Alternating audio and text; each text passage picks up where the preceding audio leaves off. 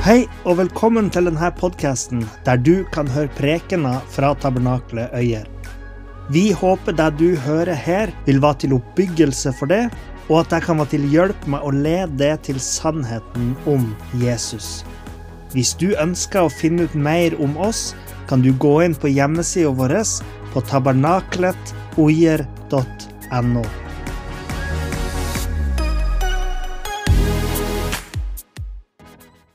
Over hele jorda har himmelen åpna seg mer og mer de siste ukene. Og da snakker jeg ikke i billedlig eller åndelig forstand, men ganske bokstavelig talt.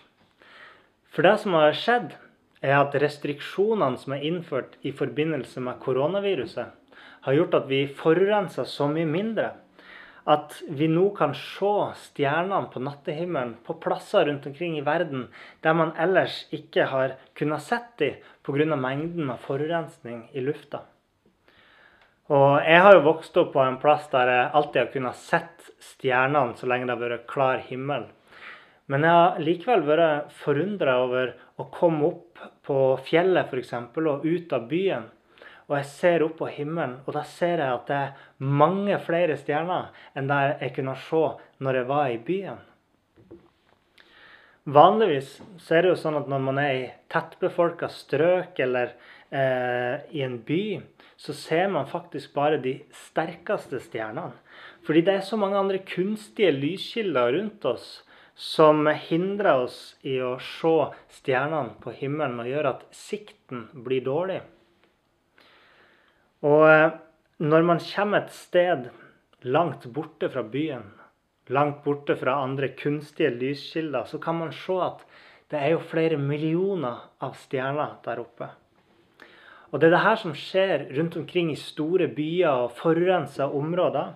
At de som bor der, som kanskje aldri har sett stjernehimmelen, eh, og, og kanskje ikke sett hvor mange stjerner som faktisk finnes der oppe, de ser at stjernehimmelen ikke bare er grå, men at bak det grå røykteppet så finnes det milliarder av stjerner. Og de ser inn i universets storhet. Og i tusenvis og tusenvis av år så er det den samme stjernehimmelen som har vekka en inspirasjon i oss mennesker til å se eh, nærmere på verden, til å studere universet som vi befinner oss i, for å se dybden i Guds skaperverk. Bibelen snakker òg om det her. Og i Salme 8 så står det Når jeg ser din himmel, dine fingres verk, månen og stjernene som du har satt der, hva er da mennesket? At du skal minnes ham og menneskesønnen at du skulle se til ham. Det skaper en ærefrykt i oss, fordi da innser vi at vi er sannelig ikke så stor. Når himmelen åpner seg over oss, så får det oss samtidig til å se inn i oss sjøl og stille oss sånne dype spørsmål som hvem er jeg? Hvor kommer jeg fra? Og hva er min plass i denne verden? Og det er jo ikke så rart, fordi Gud han har skapt himmelen og skapt universet og verden vi befinner oss i, som en slags gjenspeiling av Han. I Salme 19 så skriver David himlene forkynner Guds herlighet, og hvelvingen forteller om Hans henders verk. Skaperverket taler til oss om hvem Gud er. Akkurat som et maleri forteller om en maler, som en bygning forteller om en byggmester. Og sjøl om det finnes skjønnhet i de her tingene som mennesker har skapt, så tror jeg det er få ting i verden som gir oss en så dyp undring, og som rører noe så dypt i oss, som når vi funderer på naturens storhet og hemmeligheter. Og Bibelen sier at det er akkurat det som er meninga. Vi er skapt med en gave til undring. En predisposisjon til å se undrende på universets skjønnhet og storhet. Det trenger ikke nødvendigvis å være stjernehimmelen som gir oss den typen opplevelsen. For noen så kan det være noe så enkelt som å stå under ei eldgammel og mektig eik, kjenne på barken og undre seg. Eller å se et par hjortekalver som sprenger over et jorde og danser og gleder seg. Og for de mest spesielt interesserte av oss er det kanskje noe ting som matematikken, f.eks. For, for der er det mange som ser på matematikken og tenker så utrolig at det finnes et språk som kan beskrive nøyaktig alle de tingene vi ser rundt oss med bare tall. Men denne undringens gave er ikke gitt til oss uten grunn. Den er gitt til oss for at du og jeg skal finne veien til Gud. Vi mennesker slår automatisk fast at et maleri har en maler, og en bygning har en byggmester. Men det er ikke alltid sånn at vi ser på universet og verden og tenker at det har en skaper. For noen mennesker så er det sånn at Sjøl om vi ser på alt det skapte vi har rundt oss, og til tross for den der enestående søken som vekkes i oss når vi ser på det, så tenker de ikke at det står en skaper bak.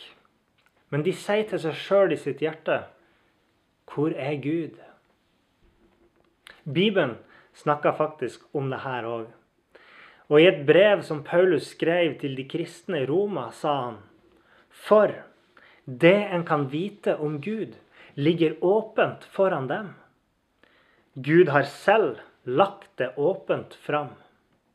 Hans usynlige vesen, både hans evige kraft og hans guddommelighet, har de fra verdens skapelse av kunnet se og erkjenne av hans gjerninger. Derfor har de ingen unnskyldning. Sjøl om Bibelen er en uvurderlig kilde til kunnskap om Gud, så er det ikke den eneste. Paulus sier her at det vi kan vet om Gud, har vi kunnet sett helt ifra verdens skapelse av. Sjøl om han er usynlig, så forkynnes han av de tingene han har gjort. Akkurat som det står i den salmen jeg leste. Himlene forkynner Guds herlighet, og hvelvingen viser hans henders verk.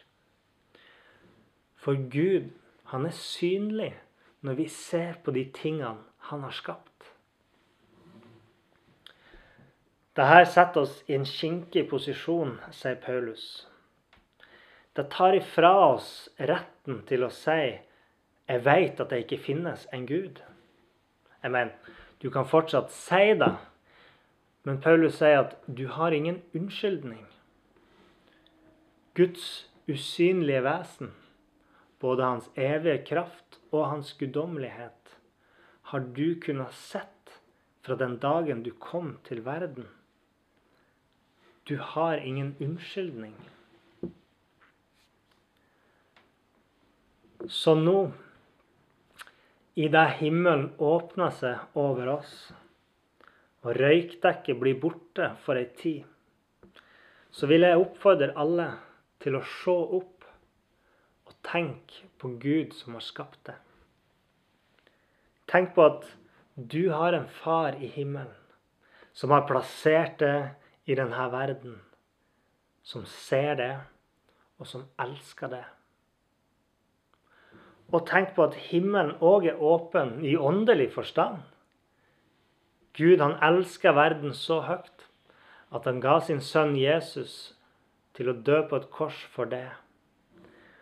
Og i billedlig forstand så rensa Jesus lufta mellom jorda og himmelen. Tok vekk den forurensninga som vi hadde skapt, sånn at vi kan se Gud.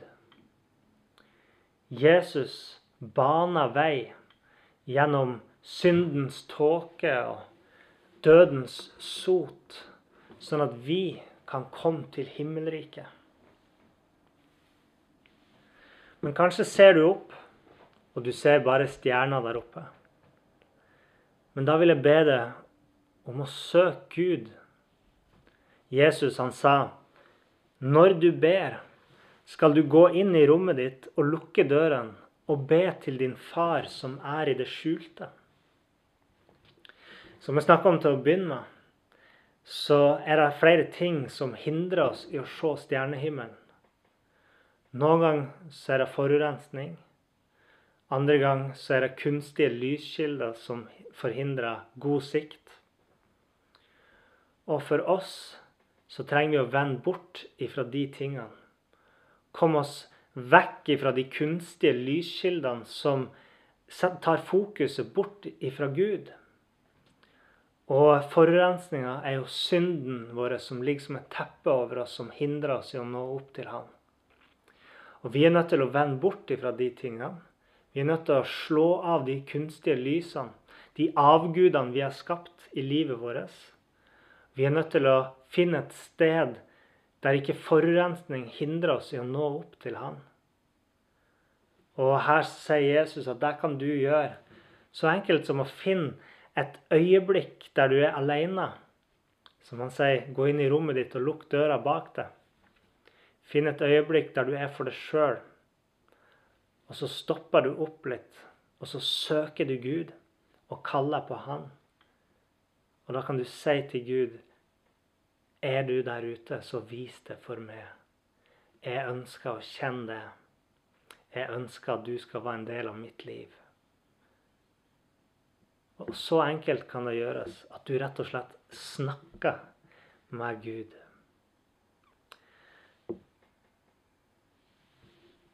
Jeg håper at du vil vende ditt hjerte og dine tanker og dine bønner til Gud og at du vil tro på Jesus som din frelser. Fordi han vil gi det liv og håp. Må Gud velsigne det. Takk for at du hørte på. Hvis du tok et steg i tro i dag, eller du har noe du ønsker forbønn for, så vil vi gjerne høre ifra det via e-postadressen kontakt alfakrølltabernaklet.no. Du er òg velkommen til våre ukentlige gudstjenester i menighetslokalet i Haugskutua 5 26 36 Øyer.